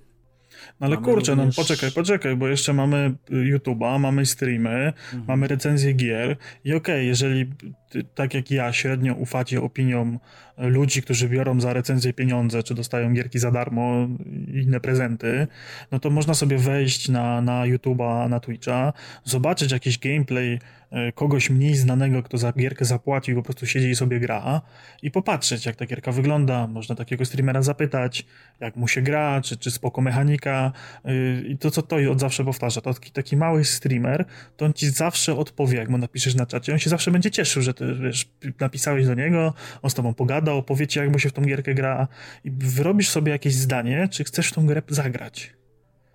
A jeżeli nie jesteś pewien, to poczekaj, aż ona będzie za 49 zł w promocji i sobie ją kup wtedy. Wtedy to no, jest mniejszy wiesz, wydatek i wiesz, no, ona nie będzie tak długo, bo ona będzie za rok. No chyba że, wydaje, chyba, że, że... chyba, że istotne jest dla tych ludzi, którzy kupują te gry na premierę, to żeby wstawić w dniu premiery focie na w Twitterkę, na Instagram i mam, będę grał, a potem wchodzisz na y, PSN-a typa i on przeszedł pierwszy rozdział gry i rzucił w kąt, no.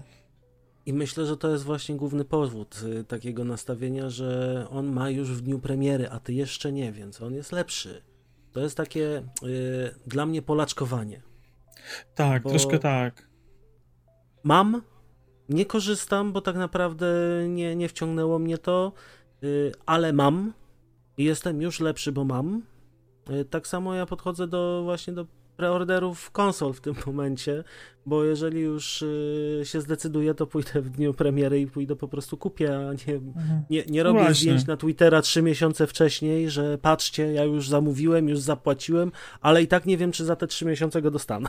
No właśnie, więc to jest tego typu też sprawa. No i tak jak mówię, no ja, ja mam taką filozofię od dłuższego czasu, że jeżeli wychodzi jakaś gra, która mnie interesuje, to zastanawiam się, czy ona mnie na tyle interesuje, że ja pragnę w nią zagrać od samej premiery.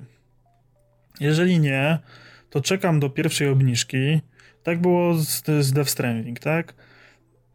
Gra staniała o połowę. No i zadałem sobie znowu pytanie, czy to jest ten moment, w którym ja w tą grę po pierwsze mam czas zagrać, będę miał tyle czasu, żeby ją przejść, tak? I czy, czy będzie mi sprawiało to frajdę, tak? I znowu, jeżeli, okej, okay, jest na fajnej promocji, ale wiem, że nie mam czasu i nie zagram, to będzie na jakiejś promocji za chwilę znowu, więc nie kupuję i czekam dalej, tak? I dopiero jak wiem, że okay, jest promocja, jest fajna cena, mam czas, mogę siąść, to biorę i gram, tak? Ewentualnie tak jak było w przypadku Red Deada, miałem tam kilka podejść do jedynki, raz ją tam do połowy przeszedłem, drugi raz tam trochę za połowę i stwierdziłem, że dopóki nie skończę całej gry, tej jedynki, to nie kupię sobie Red Deada dwójki. Skończyłem, była dobra cena, miałem czas, kupiłem, zacząłem grać, zajęło mi to pół roku, prawie, skończenie, ale skończyłem, jestem zadowolony. Pewnie, ale grałeś, byłeś wciągnięty w tak, temat. Mm -hmm. Ja też y, powiem szczerze, nie rozumiem ludzi, którzy zaczynają grę, y, pograją 10 godzin, opiszą oczywiście wszystko na Twitterze, jaka ta gra jest cudowna i tak dalej, natomiast y, później wrócą do niej za pół roku, rok i dopiero y, się przekonują, czy im ta gra tak naprawdę pasowała. No spoko, wiesz, no jeżeli kogoś faktycznie stać na wydanie gry, na, na wydanie pełnej ceny za grę i ma świadomość, że przez rok w tą grę nie zagra, ale jest kolekcjonerem i on musi mieć, no to okej, okay, też jestem w stanie taką osobę zrozumieć. Nie mam no, ale nic przeciwko. To jest no ale wiesz, ale, ale zauwa zauważyłem, zauważyłem, że taka osoba, ona nie ma rodziła na ceny, na tę informację o cenach gier. Mhm. No bo ona była zawsze do tego przyzwyczajona, że płaci zawsze tak, najwięcej. Dokładnie. Ale ma ale ma, lubi, lubi chce, tak? A w momencie, kiedy najwięcej płakali właśnie ci ludzie, którzy albo za gry nie, nie, nie płacą, bo dostają je w promkach, albo ludzie, którzy właśnie po 10 godzinach rzucają gierkę w kąt, no to dla mnie jest to trochę śmieszne i, i uważam, że trzeba troszeczkę zejść, cieszyć się, że te gry są tak długie, tak fajne, tak dopracowane, e, wybierać sobie te gry, w które naprawdę chcemy zagrać, te gry, które naprawdę skończymy. Wybór gier i, i premier miesięcznie jest tyle, że naprawdę nie da się ograć wszystkiego, nie da się wszystkiego kupić na premierę. Ja nie wiem, czy istnieje jakaś osoba, która jest na bieżąco z każdą produkcją, która wyszła. Wydaje mi się, że nie, bo jest to fizycznie niemożliwe. No. Jest to fizycznie nawet jeżeli niemożliwe, ktoś żeby ograć nawet żyje, po dwie godziny. Nawet jeżeli, słuchaj, ktoś żyje z grania w gierki, tak? No to raczej wątpię, żeby wszystko przechodził na bieżąco. No ale to mówię, no fizycznie nawet nie jest to możliwe, żeby poświęcając dwie godziny gry na każdą z gier wychodzących aktualnie dziennie, myślę, że nie skończysz tego w miesiącu przed premierą następnych gier. Nie, no nie da rady, bo tak, tak jak mówię, gry są coraz dłuższe. No. no coraz Nawet biorąc pod uwagę same AAA, żeby ogrywać na premiery tylko, no to też mhm. myślę, że jest to już ciężkie. Zgadza się. Zwłaszcza jak mamy 2, 3, 5 czasem premier w jednym miesiącu. Tak. Dobra, no to co? Myślę, że możemy podsumować temat tym, że e, naszym zdaniem gry nie są za drogie i tylko trzeba je kupować z rozwagą. To jest ze, tak, no ze wszystkim tak jest, no kurczę, no, można powiedzieć, że masło jest drogie, zdrożało i masło jest drogie, ale no, nikt nie kupuje 40 sztabek masła dziennie, no. Czy kostek, może sztabek. No wiesz, było w prawie kiedyś w cenie złota, więc teraz. No właśnie. No właśnie, więc. W sztabkach.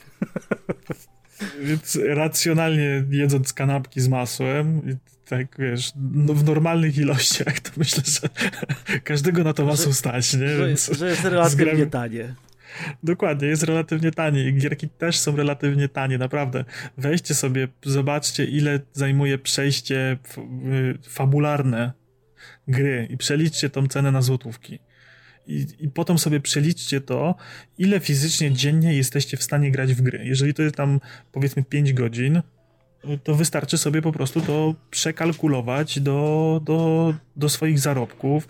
I na przykład, jeżeli wyjdzie wam, że w gierkę, która e, trwa 100 godzin, płacicie e, te 259 zł na premierę, to tam wam wychodzi, że to jest za godzinę gry 2,60, tak? E, no to kurczę, jeżeli gracie powiedzmy dwie godziny dziennie, no to, to jest kupa miesięcy grania, tak? Codziennie, po dwie godziny. To teraz sobie weźcie to przeliczenie i cofnijmy się trochę w czasie do kawiarenek to... internetowych, gdzie płaciło się no 10 zł za godzinę siedzenia na internecie. Więc gry są naprawdę tanie. Ewentualnie też dobrym przelicznikiem jest, żeby sobie przeliczyć, ile się zarabia na godzinę. Ile dostajesz tak. na rękę pieniędzy na godzinę i ile cię kosztuje godzina czasu w grze. I to jest super, super porównanie, tak? Bo ile czasu poświęcisz ile, ile wydasz, tak? Jak to cię, to się wiesz. No, a już jak ktoś bardzo lubi jakieś zbieranie znajdzie, robienie questów pobocznych, maksowanie gierek, to tak gierka go wychodzi jeszcze taniej To jest e, temat, który kilkanaście lat temu e, wałkowałem z żoną odnośnie kupowania jakichś rzeczy typu pierwszy telewizor, jak żeśmy kupowali, nie? Czy tam, tam pierwszą zmywarkę, że drogie to w ogóle tyle pieniędzy, ale czy po co to i na co to? Ale mówię, no pomyśl sobie, kupisz ten telewizor za te powiedzmy 5000 zł i będziesz z niego korzystała e, codziennie po te powiedzmy 8 godzin dziennie przez najbliższe 5 lat. Przelicz sobie to na złotówki. Aha, no to faktycznie tanio. No i temat się skończy, tak? Czy zmywarka, ile czasu spędzasz właśnie no przy właśnie, tych garach, no, a co w tym czasie możesz zrobić? Dokładnie tak. Więc to są takie proste kalkulacje, które wam naprawdę pokażą, że te gierki nie są drogie i z drugiej strony spójrzcie sobie na to, yy, ile kosztuje wyprodukowanie takiej gry, tak fizycznie, tak? Ile ci ludzie muszą zarobić, ile godzin oni pracują, ile tych ludzi jest i tak dalej, więc... To ja myślę, że tutaj możemy troszkę yy, poprosić naszych słuchaczy, naszych widzów też teraz, bo jesteśmy na YouTubie, yy, o odpowiedzenie nam na takie pytanie, jaka waszym zdaniem powinna być, zaznaczę, uczciwa cena za gry na konsolę nowej generacji? Odpowiadajcie nam na Twitterze yy, z hashtagiem pushstart. Będzie nam łatwiej wtedy odnaleźć takie odpowiedzi bo jesteśmy niesamowicie ciekawi, co wymyślicie na ten temat. Tak. No to myślę, że co tam u ciebie, Pimol, słychać? To jest najwyższa pora na to pytanie. Co tam, jak, co tam, jak tam? Co tam, jak tam? To ja zacznę sobie od tego nieszczęsnego Flight Simulatora 2020, który nie chciał przy ostatnim odcinku ze mną rozmawiać. E, tak się zdarzyło, że dzień po nagraniu pojawił się patch, który naprawił instalację i udało mi się odpalić tego Flight Simulatora. Spędziłem już w nim dobre 20 godzin. Polatałem sobie po prostu tutaj po yy, najbliższych moich okolicach, po Polsce, troszeczkę yy, po świecie, więc tutaj yy, gra jest naprawdę fajna. Natomiast y, niestety nie doinwestowałem wystarczająco w sprzęt teraz zmieniając go i troszeczkę nie jestem w stanie tego postreamować po prostu, bo komputer nie daje rady. Ale wszystkim, którzy lubią gry symulacyjne, naprawdę mogę polecić. Flight Simulatora jest niesamowity, jeżeli chodzi o realizm teraz, yy, który się. No, jeżeli mamy dobry sprzęt, dobry komputerek. Yy, nie wiem, w granicach Ryzena piąteczki, szóstki, do tego jakaś e, super karta graficzna, co najmniej 12 giga i jesteśmy w stanie chociaż ustawić sobie na średnich e, tutaj ustawieniach, to naprawdę warto choć raz w życiu, jeżeli tylko jesteśmy zainteresowani, bo ja nie namawiam nikogo, kto Y, nie wiem, nie jest w stanie wytrzymać przy symulatorze 15 minut, natomiast wszyscy, którzy lubią tego typu gry, naprawdę warto, obejrzyjcie sobie, zagrajcie, jeżeli tylko macie możliwość. Nie, nie namawiam, żeby kupować od razu może pełną wersję, y, jeżeli nie macie Game Passa, bo cena była, powiem szczerze, troszeczkę kosmiczna na początku, y, bo w dniu premiery bodajże było 390 zł za symulator, no to, ale naprawdę... Ale no no on jest zaawansowany. Myślę, że to jest cena akceptowalna Nie, tu biorąc na poziom pod uwagę, tak, biorąc pod uwagę to, co dostajemy y, przy dobrym komputerze, to jak najbardziej tutaj zastosowanie y, tego, że wyglądając za okno na pogodę i lecąc w swojej okolicy będziemy mieli dokładnie tą samą pogodę w grze. I to się faktycznie no sprawdza. To jest Czyli y, można... niesamowite uczucie. Można w czasie rzeczywistym wlecieć w blok swojego największego wroga. Można.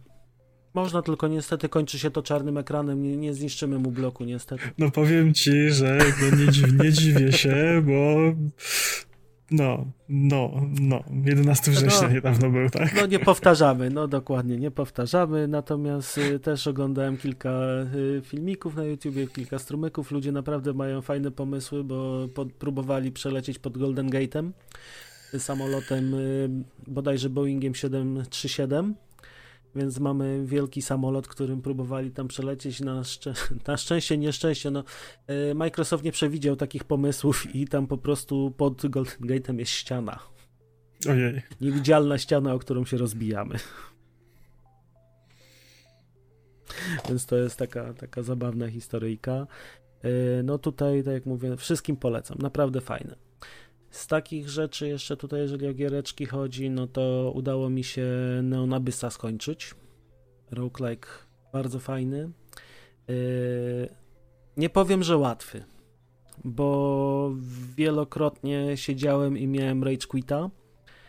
Po prostu jak już byłem przy, przy prawie ostatniej e, fazie rozgrywki i czegoś tam nie zauważyłem, dostałem jakimś pociskiem i musiałem zaczynać od początku, to całkiem niepoważne wiązanki poleciały i się wyłączało grę, żeby po prostu się uspokoić, ale jeżeli ktoś lubi Death Cells, lubi Isaaca, to y, Neon Abyss jest pozycją obowiązkową dla niego. No i cały czas kontynuuje Wasteland 3, w które... O, to mnie, to mnie y, ciekawi najbardziej. No, musisz wejść w końcu do mnie na strumyk, bo cały czas, cały czas gram i ogrywam yy, na strumyku co wtorek, czwartek. Co prawda teraz we wtorek miałem problemy i nie udało mi się nic nagrać. Natomiast yy, gierka, tak jak wspomniałem już w poprzednim odcinku, troszeczkę mnie zawiodła. Natomiast yy, postanowiłem, że ją skończę i skończę ją właśnie w trakcie strumyków tylko. Nie gram poza strumykami w nią to znaczy gram, ale na konsoli, więc to się nie liczy, bo mam dwa oddzielne savey. Ale naprawdę gra jest y, wciągająca. Jeżeli lubimy takiego typowego RPGa, może niekoniecznie yy, przypominam, że nie jest bardzo podobny do dwójki, więc tutaj jeżeli dwójka wam się podobała, nie ma gwarancji, że trójka wam się będzie podobać, bo są naprawdę duże zmiany, jeżeli chodzi o yy, całą fizykę gry, jeżeli chodzi o rozwiązania, jakie są. Natomiast y, historia jest fajna, fajnie się to gra. Y, jest troszkę przydługawy, przynajmniej w takim przypadku jak ja, że robię wszystko, co się tylko da, wszystkie sidequesty, wszystkie główne wątki. Tak naprawdę głównego wątku dopiero ruszyłem chyba trzeci etap, tam z 12 albo 15, bo jest tyle mhm. sidequestów po drodze, więc to też jest taka rzecz fajna, że jest dużo jest co robić. No jak ktoś lubi maksować gierki, to myślę, że będzie się świetnie bawił. Dokładnie tak. I co tam u ciebie, Waderio? Teraz, bo ja się tak rozgadałem, że... To, u mnie to jest dużo ostatnio, dużo się ostatnio dzieje. E, zacznijmy od tego, że e, no nie ma streamów, a miały być, bo zdechła mi Avermedia. Nie hmm. mam mi co aktualnie. Znaczy, hmm. jest jakieś niewielkie prawdopodobieństwo, że jak rozkręcę komputer i ją wyciągnę, to coś tam może jeszcze z niej urzeźbię. E, bo ona teoretycznie, komputer mi ją widzi, e, ale nie widzi urządzenia, które jest z nią wpięte. E, I to jest taki mankament, że coś tam, coś tam jest nie tak. Nie wiem, co za bardzo tam jest nie tak, musiałbym zobaczyć. W każdym razie właśnie nie ma strumyków głównie dlatego. No mógłbym coś tam z peceta pograć, ale właśnie ostatnio nie chce mi się nic grać w peceta, bo cisnąłem przez wrzesień mocno Red Deada i tego Red Deada skończyłem. No i właśnie, Dokładnie... jak ci się podobał? Bo czekałem na tą chwilę, żeby ci zadać to pytanie. Yy, ogólnie gierka jest w całokształcie mega super zarobista. Yy, ja tam w pewnym momencie już sobie dałem spokój z polowaniami, z robieniem tych rzeczy pobocznych. Skupiłem się tylko na questach fabularnych. Yy, zauważyłem, że od, chyba od ostatniego rozdziału zrobiło się rozdział na questy fabularne i questy fabularne poboczne co nie zmienia faktu, że zrobiłem je mhm. wszystkie. Tam chyba były 3 czy 4 questy, które były podświetlone na biało, a nie na żółto. I wnioskuję, że nie trzeba było ich zrobić tych na biało, żeby skończyć fabułę. E, to nie zmienia no to faktu, są że. Jest... questy takie bardziej. Tak, właśnie. tak, ale, ale je zrobiłem. Nie czyściłem potem już te, tych wszystkich polowań i tak dalej. Dałem sobie z tym spokój, znudziło mi się to. E, to było dość mega powtarzalne, więc no jak ktoś lubi, może jakbym to robił na zasadzie mm, takich przerywników od fabuły to byłoby spoko, ale ja się napaliłem na to i robiłem tego dużo, dużo ciągiem i po prostu wypaliłem się w tym temacie. E, jeżeli chodzi o jeden, właściwie dwa takie minusy, które zauważyłem. Jeden jest taki stricte mechaniczny. Nie wiem, czy to jest y, moja wina, czy to tak po prostu wyszło, ale odnoszę wrażenie, że y, ostatni rozdział w grze y, ma dość duże problemy z detekcją kolizji e, szczególnie w takich miejscach, gdzie nie możemy biegać. Jest dużo takich miejsc, gdzie poza samym obozem e, w jakichś takich pseudo-przerywników, y, które dzieją się w jakichś zamkniętych pomieszczeniach albo w ciasnych lokacjach, w których mhm. miałem problemy z sterowaniem, ze sterowaniem głównym bohaterem. On mi się zahaczał o jakieś skrzynki, nie mógł trafić w drzwi, gdzieś się blokował na jakichś drzewkach i y, nie mogłem wtedy sprintować, żeby się stamtąd yy, tak jakby wybić, nie? Tylko musiałem mm. się tam odbijać między tym. Y, zauważyłem to tylko w tym ostatnim rozdziale, chyba w czterech czy pięciu misjach było takie momenty, że y, za bardzo właściwie nie wiedziałem dlaczego i o co tam chodzi. Y, no nie, A nie spotkałem się z tym problemem. No właśnie gdzieś tak, może to po prostu była moja wina, że gdzieś zmęczenie materiału grałem po nocach i mm. nie mogłem sterować gałką tak jak potrzeba. Więc tak, tak jakoś dziwnie ten. I właśnie gdzieś tam jakieś takie miałem problemy ze, ze strzelaniem, że mi nie wyłapywało przeciwników przy tym auto-aimie. To to się zdarza, to, to, to faktycznie, ale, ale właśnie przy, przy ale, misji. ale właśnie ja to miałem tylko się z tym spotkałem przy tych, przy tych questach, w których miałem problemy. To były jakieś takie stricte specjalne lokacje, w mhm. których mhm. nie było się w innych sytuacjach niż w misjach. Czy może się dało wleźć, ale nie miałem potrzeby łazić. E, ale właśnie tam miałem jakieś zacięcia, takie dziwne. I z tym celowaniem w sekcjach strzelanych, i z chodzeniem w sekcjach chodzonych, więc jakoś tak, tak dziwnie to odebrałem. E, no i ogólnie e, fabularnie uważam, że y, trochę fabuła nie trzyma poziomu. Ona jest mega fajna, interesująca, poznajemy tych bohaterów, motywacje, zaczynamy się domyślać, o co nam chodzi, y, przeżywamy te rozterki moralne i tak dalej, i tak dalej. To napięcie tak mega narasta, narasta.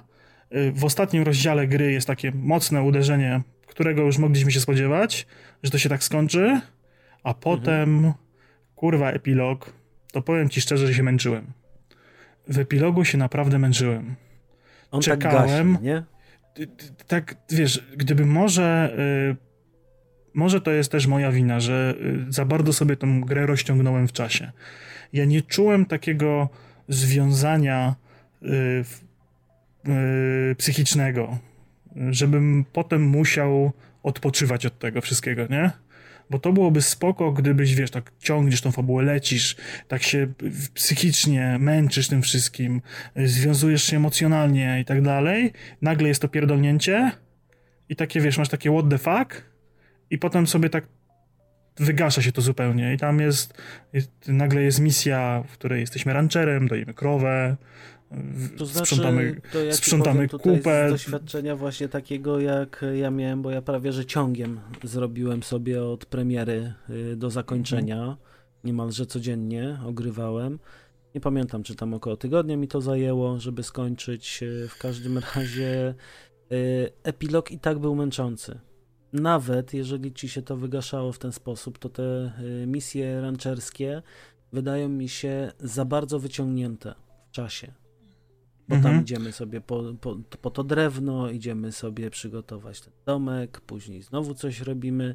Jakby to były dwie, trzy takie wstawki, ok. Natomiast tam jest jeszcze potem, y, potem nawet jak są te misje, że coś się tam niby dzieje, jakaś akcja, no to też to jest tak to wszystko rozciągnięte, że kurczę, tam musimy jechać z jednego końca na drugi koniec mapy, e, żeby tam coś zrobić. To jest takie nużące strasznie. To jest takie, no jest tam fajna muzyczka, wtedy przygrywa, jest fajne wprowadzenie, jest taki czas na refleksję w ogóle, ale ja osobiście tego nie potrzebowałem i trochę się z tym męczyłem. Tak już czekałem, kiedy się to skończy, nie? Że było tak fajnie. Ja już wiem do czego, ja już tak, tak w momencie, kiedy stało się, co się stało, zaczął się epilog, to ja już od razu wiedziałem, do czego będzie to zmierzało. Jakie będzie zakończenie gry? Ja już miałem stuprocentową pewność, że to się tak skończy i nie pomyliłem się i po prostu wyczekiwałem tego momentu, żeby to się już wydarzyło i żeby już to skończyć. To już było mhm. przeciągnięte, nudne. Y, jak już nam nawet tak wzrosło trochę to napięcie w tym epilogu, to potem był epilog part 2 i, i budowaliśmy domek, nosiliśmy deski i tak. Mhm tak znowu, nie? I tak mówię, no kurwa, niech to się już skończy, nie? Już, już tak, już dajcie spokój. Ja, to, to było fajne, tego typu atrakcje były fajne w pierwszych 10 godzinach gry, gdzie mi się faktycznie chciało oglądać na animację skurowania zwierząt, robienia tego wszystkiego, wchodzenia do sklepu, chodzenia między półkami, zbierania rzeczy z między półek, to było spoko na samym początku. Ja już, już potem po tych stu paru godzinach, które spędziłem w tej grze, to mi się to już znudziło. Ja już nie chciałem tego, nie? Więc takie minimalne rozczarowanko było. Cieszę się, że ten epilog zrobiłem w jeden dzień, cały przemęczyłem to. No to tak, no myślę, że rozciągnięcie go na kolejne dni by, by było jeszcze bardziej no, męczące no, i większą jeszcze Byłoby, nie, nie, dokładnie. Więc, ale ogólnie grę bardzo miło wspom wspominam już teraz. Bardzo się cieszę, że ją skończyłem. Skończenie Red Deada spowodowało to tym, że na moim dysku y, zawitał Mesjasz od Kojambo, czy tam mm. Kojumbo, y, czyli zainstalowałem Death Stranding y, Myślałem, że przed podcastem jeszcze zagram, ale nie mhm. zdążyłem. Zagram no. po podcaście, także będę teraz y, ogrywał kuriera. Y, nie jestem jakoś tak specjalnie czyli, negatywnie czyli nastawiony na tą rozgrywkę. kolejne pół roku, okej. Okay. Nie, no myślę, że, że szybciej, chociaż no teraz, teraz mam trochę więcej czasu. Teraz mam trochę więcej czasu, mhm. trochę więcej teraz gram, więc, y, więc, myślę, że, że tak to będzie wyglądało. Natomiast z rzeczy niegiereczkowych, wsiąść do pociągu, gier, gra planszowa. E, polecam. Ja tą grę już z 4 czy z 5 lat ogrywam dość intensywnie i za każdym razem, jak ona nam się znudzi, e, to wędruje do szafy, czeka, aż nam się zachce, a jak nam się zachce, to potem jest wieczór w wieczór są pociągi. I to jest, to jest w ogóle gierka o budowaniu połączeń kolejowych między miastami na różnych mapach. Ja akurat mam wersję europejską e, i po prostu dobieramy karty co rundę z kolorami pociągów jak uzbieramy e, odpowiednią ilość kart w danym kolorze, e, to możemy postawić w danym kolorze e, połączenie między miastami. I, I, cała filozofia. Mamy ograniczoną liczbę pociągów, które możemy wykorzystać, mamy główną trasę, którą musimy zrealizować i trasy poboczne, Dostajemy tam punkty za, za najdłuższą trasę, dostajemy tam punkty za najwięcej zrealizowanych połączeń, takie tam różne pierdoły. W grę się bardzo przyjemnie gra w dwie osoby, a więcej gra się jeszcze przyjemniej, bo dochodzą starcia na... Yy, froncie y, potentatów kolejowych na zasadzie ty głupia pip, pip, pip, pip, zablokowałaś mi y, moją trasę, którą chciałem jechać. I cały mister, muszę jechać naokoło i już mi nie starczy pociągów, nie? Aha, no myślałem, że będzie, będzie kraksa. No, nie, więc właśnie bardzo fajnie, fajnie się w to gra, polecam każdemu. To jest taki entry level y, poważniejszych gier planszowych. Jak graliście tam w, w Wężej Drabiny, w Monopol, czy tam jakiś Eurobiznes i tak nie wiecie, czy gry planszowe są dla was, to taka gierka jest idealna na początek, bo ona fajnie wygląda, ma fajną mechanikę, y, mega przyjemnie się w nią gra i jest bardzo prosta. Także tak. Y, z kolejnych rzeczy, które się ostatnio u nas działy, y, czy u mnie, y, oglądałem z żoną na Amazon Prime Człowiek z Wysokiego Zamku. To jest bodajże Man in the High Castle. Notabene dowiedziałem się całkiem niedawno, że jest to na podstawie książki o tym samym tytule i to jest klimat, który interesuje nas z dwóch powodów. Pierwszy powód to jest taki, że to jest taka trochę fantastyka, historyczna, bo historyczna, ale fantastyka. Ja lubię te klimaty, plus jest wojna, więc y, lubię te klimaty jeszcze bardziej, a moja żona bardzo się lubuje w historii nazistowskich Niemiec i, i tego typu perypetiach, I więc to mamy wszystko mega połączone, więc obojgu nam się ten serial podoba na różnych płaszczyznach, na inne rzeczy zwracamy uwagę i świetnie się bawimy potem jeszcze dyskutując na temat tego serialu, a serial jest o tym, że y, Niemcy wygrały II wojnę światową, i właściwie podzielony y, jest glob na Niemców i na Japończyków. Do spółki, z Japończyka, do spółki z Japończykami Niemcy wygrali wojnę. E, no i mamy tam e, historię dziejącą się w Stanach Zjednoczonych, które są, należą do Wielkiej Rzeszy nie, nie nazistowskiej. Mamy pana Adolfa, e, mega dużo różnych technologicznych ciekawostek w postaci rakiet V2 używanych do transportu ludzkiego, gdzie z Berlina do Nowego Jorku leci się dwie godzinki super. Polecam. No, czemu nie? No i jest tam, jest tam takie fajne zdarzenie dwóch światów, bo z jednej strony mamy właśnie tę nazistowską Wielką Rzeszę, która jest taka, e, taka jak sobie wyobrażamy Niemców, nie? Piękne drogi, zadbane domki, e, wszyscy ci ludzie tacy och i ach i w ogóle, nie? Wszystko jest takie mhm. mega, mega porządne, mega dokładne, a z drugiej strony mamy Japończyków, którzy nie do końca sobie radzą, E, jest tam brudno, brzydko i nieładnie, śmieci, dziurawe drogi, e, ludzie gdzieś tam zaczynają myśleć o jakichś e, buntach, rebeliach. Do tego dochodzi element pseudo-podróży międzywymiarowej. Więc mamy kilka rzeczywistości, nie? Bo to jest tak, jakby dzieje się w rzeczywistości równoległej. Więc spoko, ludzie tam kombinują, jak odkręcić pewne wydarzenia, jak y, zrobić, żeby Niemcy tę wojnę jednak przegrali. Wykorzystują właśnie y, materiały filmowe y, pochodzące z innych linii czasowych i tak dalej. Mega no, fajnie się darkiem, to ogląda. Darkiem śmierdzi. Znaczy, wiesz co, tam to nie aż tak, po prostu te mhm. światy sobie biegną równolegle, nie? I jest tam parę osób, które mogą się między tym przemieszczać, znaczy swoje jaźnie, więc mega, mega klimatycznie i mega fajnie. Także polecam e, sobie to obejrzeć. Ja się muszę zainteresować tematem książki. A z rzeczy, które jeszcze takie na bieżąco i świeże, e, zrobiłem sobie kontroler do lodówki. Te kontroler to ale, ale, ale w jakim sensie kontroler do lodówki? Yy, nie. Znaczy tak, ja już tłumaczę. Mam taką małą lodówkę, małą, no, mhm. lodówkę mniejszych wymiarów niż taką, co macie w kuchni. Mam ją e, w szafie na ubrania, schowaną w korytarzu. Mhm. I ona mi służy do fermentacji piwa. Ja sobie tam po prostu. Mhm. Zasada jest taka, że żeby zrobić mega dobre piwo, które nie ma żadnych wad i tak dalej, musi być kontrola temperatury w trakcie fermentacji. Dany rodzaj drożdżów lubi pracować sobie w określonej temperaturze i fajnie, jakby ta temperatura nie wahała się za bardzo, bo jak jest za ciepło, to drożdże głupieją, zaczynają się dobrze czuć i jeść cukier jak y, powalone, jak ta temperatura im za nisko spadnie, to one usypiają, przestają jeść ten cukier i fermentować.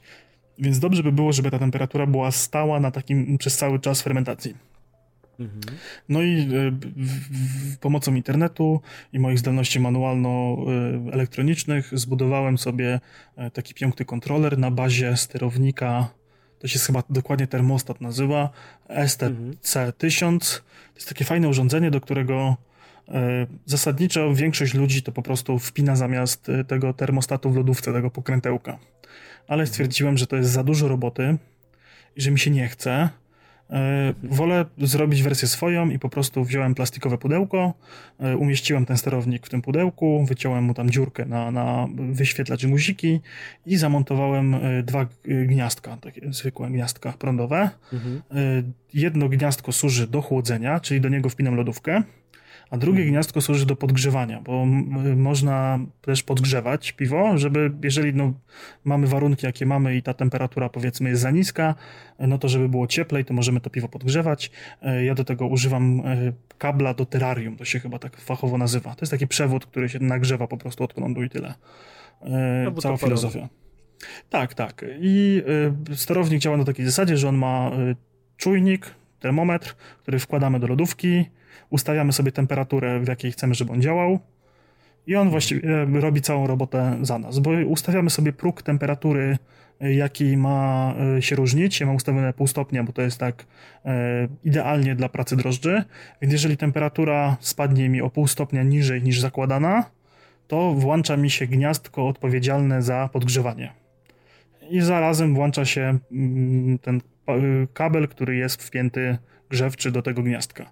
Jeżeli temperatura jest za wysoka o pół stopnia, no to uruchamia się lodówka. I cała filozofia. No tak. Y, notabene nagrałem filmik. Jak uda mi się go kiedyś zmontować, bo mam strasznie duże zaległości w montażu, to jest taki kanał jak Szkoła Chmielu. Ja tam pokazuję, jak waży piwo. Jakby kogoś to w ogóle interesowało poza giereczkowo. I tam właśnie robię takie też różne projekty y, warzelnicze i właśnie... Jest fajnie na, i na, fajnie Waderio tam opowiada, więc warto zajrzeć, jeżeli ktoś się interesuje piwem. tak, i A Waderio ma niesamowicie to... dużą wiedzę na ten temat. No nie, myślę, że nie. ja to jestem pikuś w porównaniu Ja ci, ja ci mówię jako laik, który tylko pije dobre piwo, nie umie go zrobić, więc jak cię słucham, to No to Jest- chyba, że tak. Znaczy, ja jestem mega teoretykiem, także y, staram się to potem też w praktyce wykorzystywać, ale to różnie z tym bywa. No, w każdym bądź razie wchodzę na kolejny level. To my, myślę, że to jest tak w sumie ostatni level z domowego piwowarstwa, bo już mam cały automatyczny sprzęt y, zrobiony. Mhm. Dalej to jest otwieranie browaru własnego, już takiego dużego. To, to tak, zrobimy tak. y, Dla mnie zbiórka na PS5, dla ciebie zbiórka na browar. Okej, to myślę, że twoje 2,5 koła kontra moje 5 milionów, to tak wiesz, Da, damy radę, Unia Europejska nas pomoże. chyba, że tak. No to co, chyba kończymy. Chyba tak. Zapraszamy No wszystkich razie do tak. następnych odcinków. Dokładnie. I co? Trzymajcie się, do zobaczenia, do usłyszenia. Pa, pa. Hej, hej. Game over.